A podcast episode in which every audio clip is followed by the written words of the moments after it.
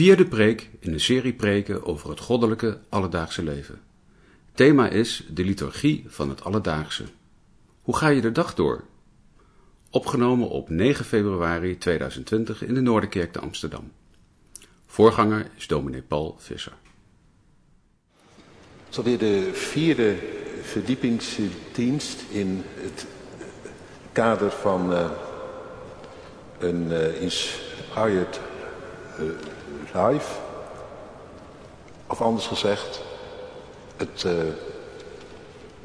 de liturgie van het alledaagse, dat wij het leven van elke dag op een goddelijk geïnspireerde manier zullen leven. En vanavond gaat het over hoe ga je de dag door. Vorige week ging het over hoe sta je op. Nu gaat het over hoe ga je de dag door. En we lezen daarbij een aantal woorden uit uh, de Bijbel, om te beginnen uit Lucas 17.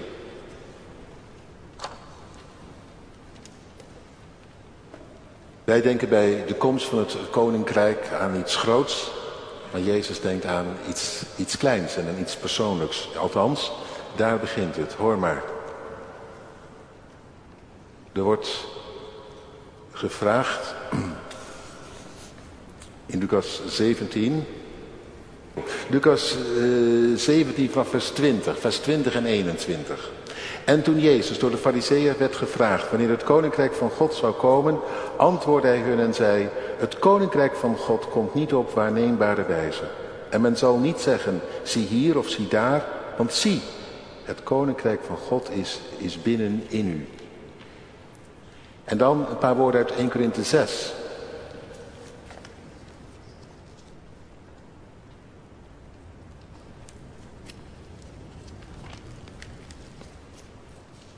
Vers 12 en 13 en 20. Paulus die schrijft daar, alle dingen zijn mij geoorloofd, maar niet alle dingen zijn nuttig. Alle dingen zijn mij geoorloofd, maar ik zal mij niet onder de macht van ook maar iets laten brengen.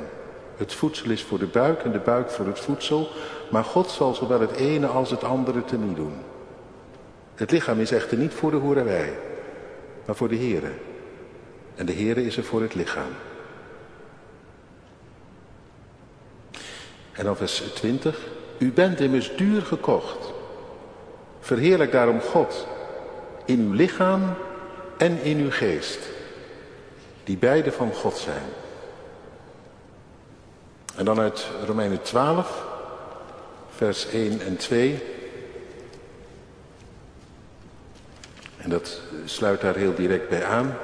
Ik roep u dan toe op, broeders en zusters, door de ontfermingen van God, om uw lichamen, dat is heel je bestaan, hier in dit geval. Je lichaam, ziel, geest, om uw lichamen aan God te wijden, als een levend offer, heilig en voor God welbehagelijk. Dat is uw redelijke godsdienst en wordt niet gelijkvormig aan deze wereld, maar wordt innerlijk veranderd door de vernieuwing van uw gezindheid, om te kunnen onderscheiden wat de goede, welbehagelijke en volmaakte wil van God is. En dan uit Matthäus 13. En die woorden die komen in de, de preek ook allemaal voorbij. En daarom is het ook goed om ze toch even gelezen te hebben. Want hoe gaat dat dan? Het koninkrijk van God in jou en jouw lichaam en jouw bestaan als een levend offer voor God. Het zijn hele grote woorden. En God verheerlijken met je lichaam en je geest. Hoe gaat dat dan? Want Jezus heeft gezegd, zo, zo werd het, het koninkrijk in jou. En hij gaf daar een gelijkenis bij, een korte gelijkenis die het precies verwoordt. In het dertiende hoofdstuk van Matthäus, vers 33. Een andere gelijkenis sprak hij tot hen. Het koninkrijk van de hemelen is gelijk aan een zuurdeeg, een klontje gist. Dat een vrouw nam en in drie maten meel deed. Totdat het helemaal doorzuurd was. En tenslotte dan nog uit Filippenzen 2. Een woord van Paulus, een aansporing. Als het gist van de geest zo in ons is, dan worden wij geroepen er werk van te maken. Hoor maar, in Filippenzen 2. Daarom, mijn geliefden, zoals u altijd gehoorzaam bent, niet alleen in mijn afwezigheid, maar nu veel meer, niet alleen in mijn aanwezigheid, maar nu veel meer in mijn afwezigheid. Zo werk aan uw zaligheid, of betekent eigenlijk, maar werk het uit, uw zaligheid, uw redding. Dat wat u in Christus ontvangen hebt en bent, met vrees en beven, met hart en ziel, met al wat in je is. Want het is God die in je werkt, zowel het willen als het werken, naar zijn welbehagen. En er staat er heel prozaïs achter, doe alles zonder gemopper en meningsverschillen. Dat schijnt dan de uitwerking te zijn. Dat je het gezaggerijn voorbij komt. Als de geest zo doorwerkt in het leven van elke dag. Goed. Ik hoop dat uh, je gedachten intussen vast wat gericht zijn door de woorden die we gelezen hebben. Gemeente van Christus, broeders en zusters. Ik las een mooie uitspraak. En iemand had het weer gelezen op de wand in een klooster. Iedereen wil een revolutie. Maar niemand wil de afwas doen.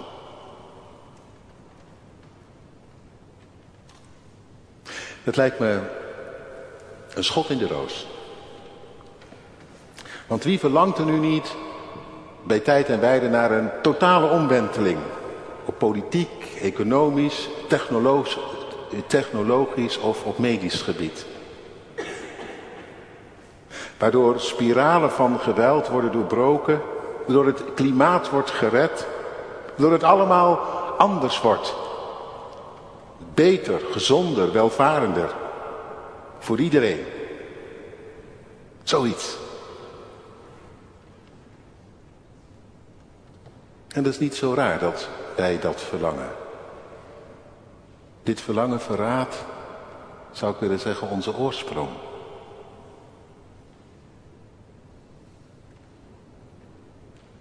Onze hemelse oorsprong. Er is een onbestemd gevoel dat het leven, zoals het zich nu aandient, dat dat toch niet is zoals het zou moeten wezen. Dat het aan alle kanten tekort schiet. Haaks is op hoe het ooit is bedoeld. Waar komt dat toch vandaan? Als wij geen benul hadden, dan zouden wij er toch gewoon genoegen mee nemen. Maar dat hebben wij blijkbaar wel. Benul. Van dat het niet klopt met hoe het is bedoeld. En daarom die onvrede, dat verlangen. Oh, het is allemaal heel onbestemd en vaak ook onbewust. Maar intussen, het is er volop, voluit. Dat besef dat we iets verloren hebben, iets kwijt zijn, wat we moeten proberen te herwinnen met elkaar. Politici zijn er eindeloos druk mee. En wetenschappers natuurlijk ook. En wie heeft het niet, dat blijvende ongenoegen over kwaad en over gebrokenheid? Het wendt niet en nooit. We blijven ons verbazen, verbijsterd staan. En de journaals, ze zijn er elke dag weer vol van. Het wordt nooit oud nieuws. Al is het steeds hetzelfde verhaal. Op duizend en één manier.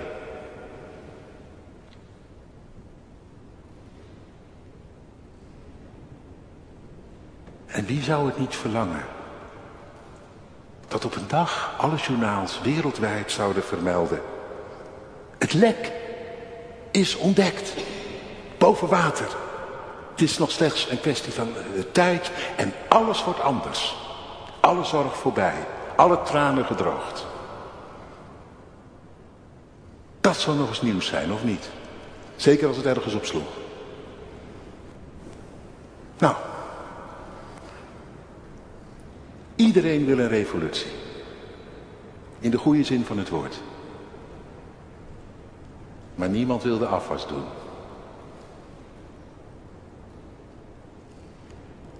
Weet je wel dat wat voor de hand ligt nu vandaag, het kleine, vlakbij. Dat je de vuile vaat gewoon wegwerkt en opruimt. En de beeldspraak lijkt me helder en duidelijk. Toch? Dat je opruimt in jouw leven wat moet worden opgeruimd. Dat het niet ophoopt. De kwaaiigheid, het zaggerijn, de ruzietoon. Het zure gezicht, de zonde, het vuile, het smerige. Wat veel kapot maakt en niks oplevert. Waar anderen aan lijden en waar je zelf alleen maar aan verliest. Dat.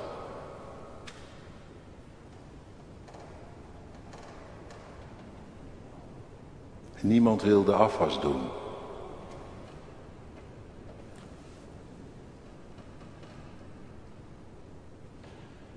Herken je het? Moet allemaal anders, we verlangen ernaar, maar dat wat er dan moet gebeuren in jouw bestaan, dat is ineens heel ingewikkeld, dat hele kleine. Op die vierkante meter waarop jij leeft. Dat het daar iets mooier wordt, iets aantrekkelijker. Om zo te zeggen, de revolutie daar begint. Het daar omgaat. Voor zover dat nodig is natuurlijk.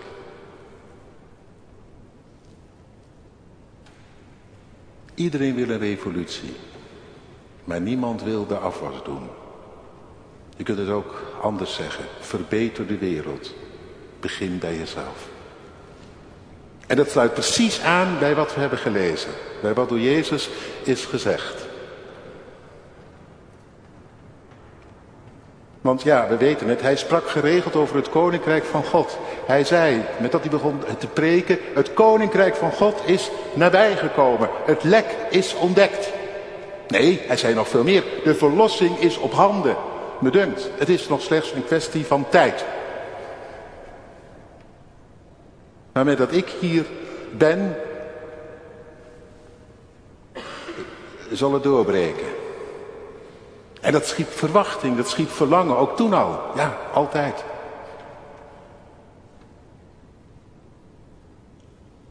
Het verlangen is altijd weer hetzelfde, van toen en nu, van hier en daar. En je hoort het, je hoort het verlangen. Zelfs bij je schriftgeleerden en fariseeën. Ze laten zich erdoor raken.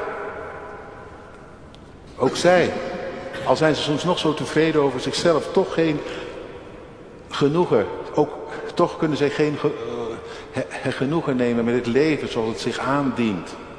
Ook zij ervaren tekort, misère, voelen aan. Het zou anders, anders moeten en mogen. En ze vragen, als ze de gelegenheid hebben, wanneer komt het dan, dat koninkrijk, dat het helemaal doorbreekt? En dat het shalom wordt op aarde? En dat al dat andere waar we nu aan lijden, dat dat voorbij is? En Jezus zei, voorlopig zal het zomaar niet hier of daar te zien zijn. En wie, en wie zegt hier is het en daar is het, die bedriegt je. Denk niet dat in dit of dat de oplossing zit. Soms, soms lijkt het nog wel eens, hè? Daar wordt het ook in een praatprogramma aangekondigd en iedereen wordt enthousiast. Nee, maar nu hebben we het hoor. Nu hebben we het. Dit of dat, in medisch opzicht of een andere wetenschappelijke ontdekking. En dat kan natuurlijk op een bepaalde manier een revolutie inluiden, maar dat het leven daardoor anders wordt en de wereld beter en mooier, dat blijft natuurlijk zeer de vraag. Het komt niet op waarneembare wijze, zei Jezus. Denk niet dat wij zo, zo gaandeweg langzamerhand het zullen winnen, wereldwijd. Nee. Weet je waar het begint? Het koninkrijk is binnen, in u. Daar. In jouw denken. En dan in jouw doen. Die vierkante meter van jouw bestaan. Daar. En dat laat zich raden. Want hoe word je burger van dat rijk? Door wedergeboorte, zei Jezus eerder tegen die andere fariseer, Nicodemus. En wat is dat dan? Nou, dat jou van hogerhand zo te denken wordt gegeven, dat jij het voor God verliest. En zegt, God, ik red het niet. En dan uit water en geest geboren. Dat betekent genade, reiniging. En door de geest een nieuw begin. Een andere manier van denken en doen. En zo begint het. Dat koninkrijk. En zo zet het zich door. Van hart tot hart, van mens tot mens. In u.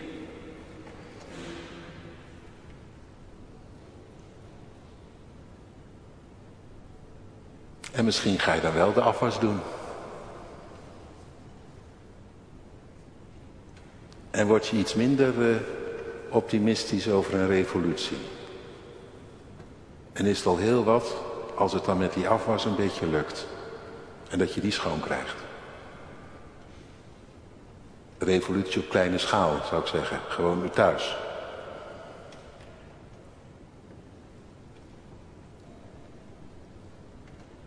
Bekering heet het ook.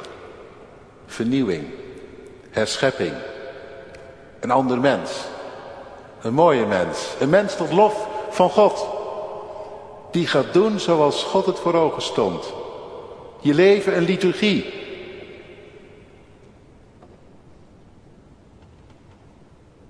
Iets van aanbidding. Met heel je bestaan. Hoe werkt dat dan? Nou, Paulus die, die ging daarop door en die zei in 1 Korinthe 6, we lazen het. U bent duur gekocht. Verheerlijk dan God in je lichaam en in je geest. Heel jouw bestaan. Zoals dat hier zit vanavond, zoals dat hier uh, staat. Duur gekocht. Het ging met Jezus mee aan het kruis. Er werd verzoening gedaan. Hij kocht het los uit de greep van waar het in gevangen zat. Van zonde, dood en doem. Gereinigd in hem. Vervuld met zijn geest, duur gekocht, zijn bezit. Helemaal. Van je binnenste gedachten tot de, de meest gewone handelingen. Alles. Niks meer van jezelf. Zoals een slaaf, weet je wel? Die is helemaal van zijn Heer. En zo met lichaam en ziel van hem. De catechismus zegt het ook in zondag 1. Niet meer bezit van mezelf. Maak ik wel uit, dat is van mij. Nee, zijn eigendom.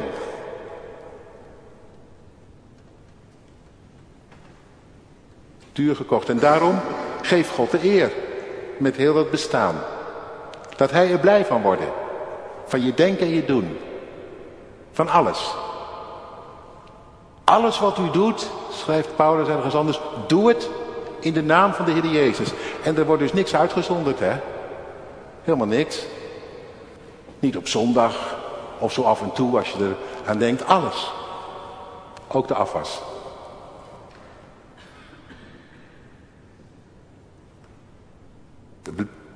Gewoon blij dat je het handen hebt om het op te ruimen en benen hebt om op te staan. En het goed is om de boel schoon te houden, heel letterlijk en figuurlijk. Want dat hoort bij liturgie. Liturgie vraagt schoonheid. Toch? Liturgie is niet een vuile troep. Dat is geen liturgie. De duivel is van troep zeg ik maar even recht door. Uh, een beetje kort door de bocht. En van zooi. En van rommel.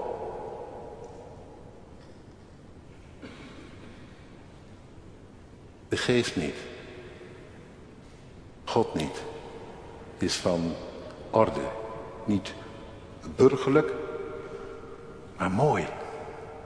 Dat je denkt, oh, dat is geweldig. Dat je er vrolijk van wordt, dat er muziek in komt. Dat. Ik zoek naar woorden.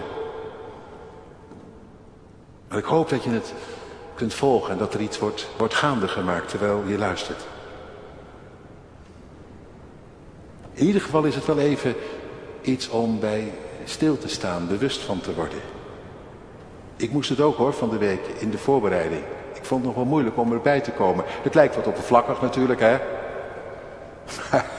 Het is zo diep en zo hoog dat, dat het voor mij nog ingewikkeld was om, om erbij te komen. Bij de diepte en de hoogte ervan. Liturgie van het alledaagse. Alles wat u doet, doe het in de naam van Hem. Alles wat u doet, laat dat iets, iets worden van aanbidding. Van lof en dank. Betekent dat je dan de hele dag moet gaan zingen of vroom moet zitten wezen? Nee, dat betekent het niet. Want je moet gewoon je dingen doen. Maar dat je het dan zo doet, op de een of andere manier, dat hij er blij van wordt. Dat het beantwoordt aan zijn doel. Oh ja, dat is het omgekeerde van zonde. Dat het beantwoordt aan zijn doel. Dat hij zegt, kijk, zo stond het mij nu voor ogen. Dat het zo zou worden toen ik jullie schiep. Zoiets.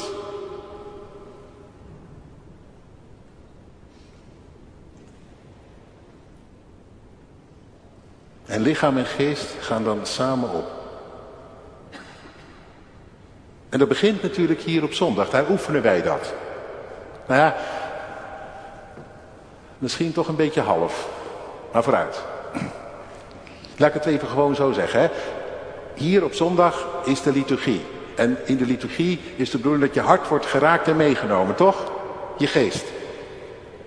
Dat Gods, Gods geest jouw geest bereikt en raakt en dat jij afgestemd wordt, keer op keer, zondag aan zondag, op God. In je denken.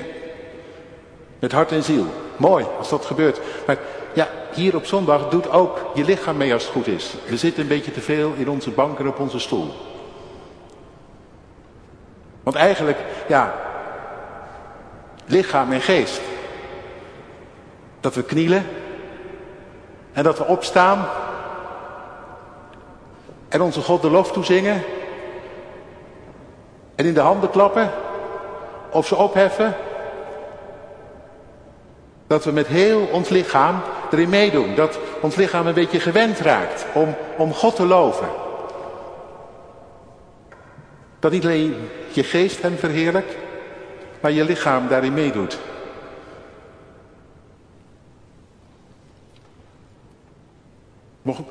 Misschien, ja, misschien toch nog wel goed om er nog eens wat over na te denken. En natuurlijk, ik weet het allemaal wel, we zijn het niet gewend en daar zit het hem niet in. Nou, nou, nou, even een beetje voorzichtiger, daar zit het hem niet in. Met lichaam en ziel van hem, met lichaam en ziel hem loven, aanbidden. Nou ja, we maken in ieder geval een begin door samen te zingen. En zitten om te luisteren is ook een manier om God te aanbidden. Laten we het dan daar maar even op houden voor nu. En gelukkig dat we opstaan af en toe. En die zijn hand opheft, helemaal oké. Die is niet, niet gek. Het is veel gekker als je het niet doet. Al is het onwennig. Nou goed, liturgie. Op zondag oefenen we. Geest en lichaam. En dan wil dat zich voort dat, dan wil ze dat voortzetten in het leven van elke dag. En Johan heeft vorige keer al het nodige gezegd hoe je dan de ochtend kunt beginnen om de gang er een beetje in, in te krijgen.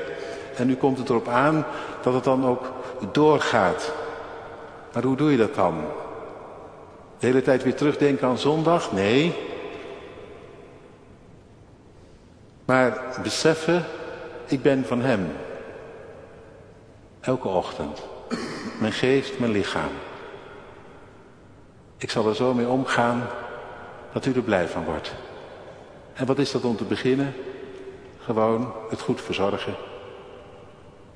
Daarvoor heb je het ge gekregen. Je baden of douchen, en tanden poetsen, eten en een beetje gezond graag. En gewoon dan alles inzetten en gebruiken wat jij in huis hebt aan talent. De een doet met zijn handen, de ander met zijn hoofd, maakt niet uit. God wordt er blij van. Als jij je ontplooit, ontwikkelt. Je, uh, je werk van elke dag. Een goed werk voor hem. Daardoor aanbid je hem. Door dat gewoon trouw te doen. Zo wordt je leven een loflied. Daarvoor was het je gegeven. Zo komt het tot zijn doel.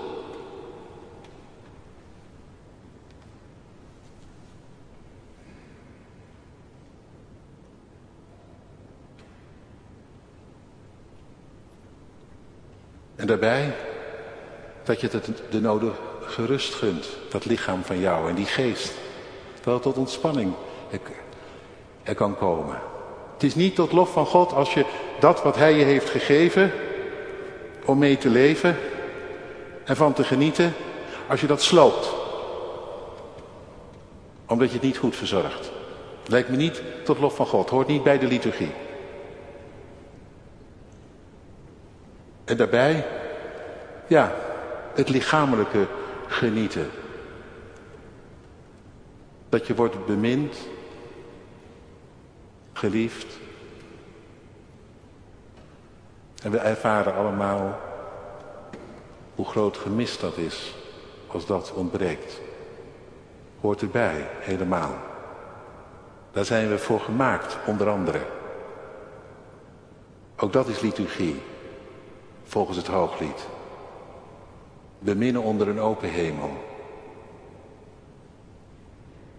Als een geschenk van de Allerhoogste. De liefde leven over en weer. Zo. Zo begint het een beetje in de buurt te komen. Van uh, met je lichaam God verheerlijken. Het zo gebruiken, genieten, tot rust laten komen, inzetten, zoals het hem voor ogen stond, zoals hij het had bedacht.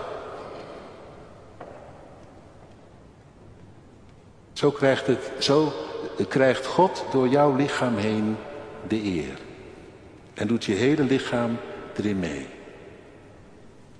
En wordt zelfs de, het doen van de afwas een offer welbehagelijk voor God. Prima. Waar niks minder waardigs aan is, al is het soms voor je beleving zo saai als wat.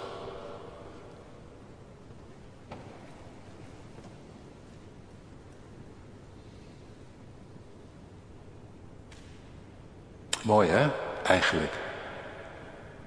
Dat zo je hele leven loflied wordt. Tot in het meest concrete en gewone, alledaagse en zelfs saaie toe. En wie, wie daar een beetje zijn neus voor ophaalt, die heeft met Paulus een fix probleem. Die zegt in 1 Timotheus 4 dat je dan een ketter bent dat je er dan niks van begrepen hebt. Want dat het, het leven niet is geschonken en je lichaam en voedsel en het huwelijk en alles wat erbij hoort om te verachten en je neus voorop te halen. Maar dat het iets gegeven om met dankzegging te aanvaarden en te genieten. Want alles wat God geschapen heeft is goed. En wie het zo ontvangt, aanbidt hem met zijn lichaam met zijn bestaan. Trouwens, er hoort nog iets anders ook bij.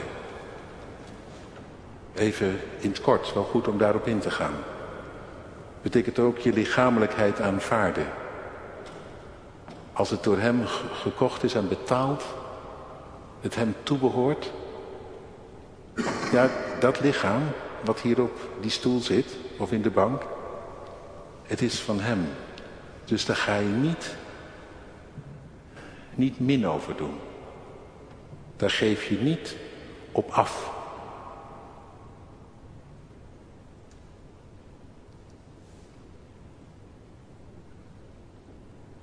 Dat verzorg je. Dat omhels je. Dat heb je lief. Dat is wat anders dan de cultus van vandaag. Verafgoding van het lichaam.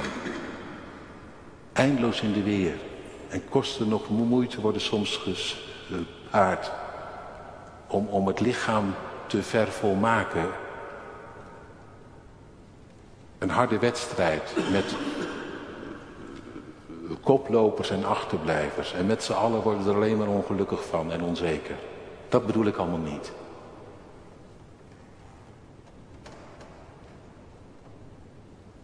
Maar je wel gezien weten door God.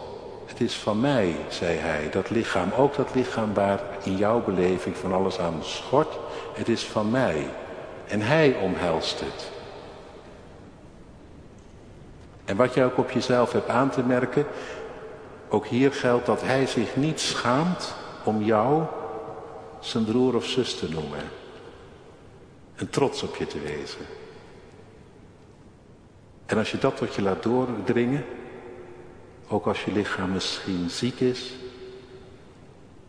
en verzwakt en begint af te takelen, als je weet het is toch van hem, dit lichaam van mij,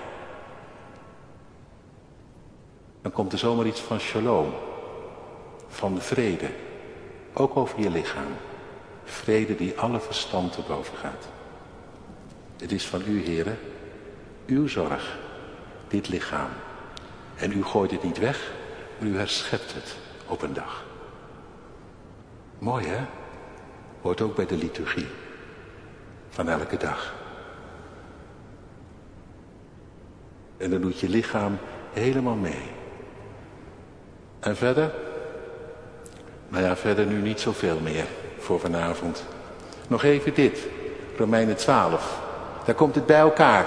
Verheerlijk God met je lichaam, jouw lichaam, jouw bestaan, tot een levend offer. En hoe doe je dat dan? Door steeds je in je denken te richten op Hem.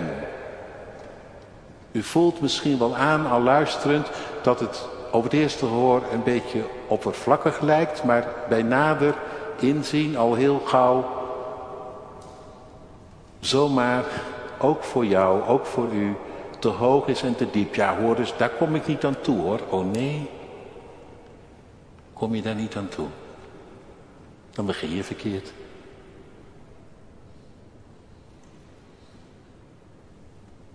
Broeders en zusters, zegt Paulus, ik vermaan u in het licht van de ontfermingen van God, dat u het wel doet. En dan gaat u maar oefenen om uw lichaam te maken tot een welriekend, levend offer voor God. Niet af en toe, niet te hooien te gras, niet op zondag alleen, maar gewoon. Altijd. Het hoeft niet in één keer, het mag doorwerken dat koninkrijk in u als een klontje gist dat gekneed wordt door het deeg. Dat het langzaam wordt doorzuurd. Het deeg gaat reizen. Maar je gaat er wel mee aan de slag. Je werkt je zaligheid uit. Nee, niet alleen op een bijbelkring. Maar gewoon door de dag heen. Met vrees en beven. Niet dat het een beetje erbij hangt. Maar dat gaat voorop. Dat jouw bestaan naar lichaam en ziel helemaal al meer weer begint te lijken op hoe het ooit was bedoeld. Want het is God die in u werkt. Hij is in je, de geest. Je bent een tempel, dat weet je toch wel, van de geest. Dus hij is er zelf bij. Je bent niet op jezelf aangewezen. En weet je wat er dan kan gaan gebeuren? Als je daar bewust mee in de weer raakt en mee aan de slag gaat.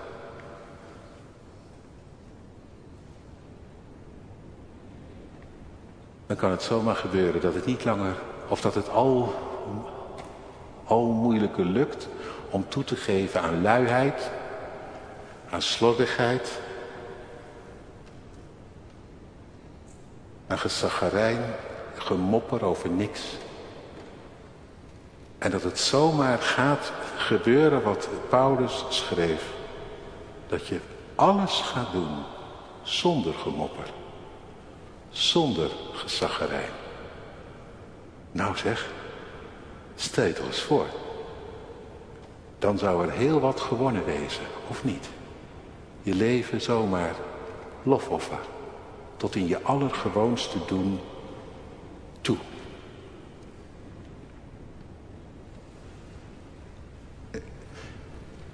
Tot slot een uitspraak van Louis. Een uitsmijter. Om mee te nemen. Die aansluit bij het begin. Maar dan even met andere woorden. En Louis die schreef, het is een noodloos tijdverdrijf. Hoor je dat? Noodloos tijdverdrijf als je bidt dat God je geduld zal geven in eventuele vervolging. Wanneer intussen ieder klein ongemak waar je tegenop loopt al leidt tot gemopper. Amen.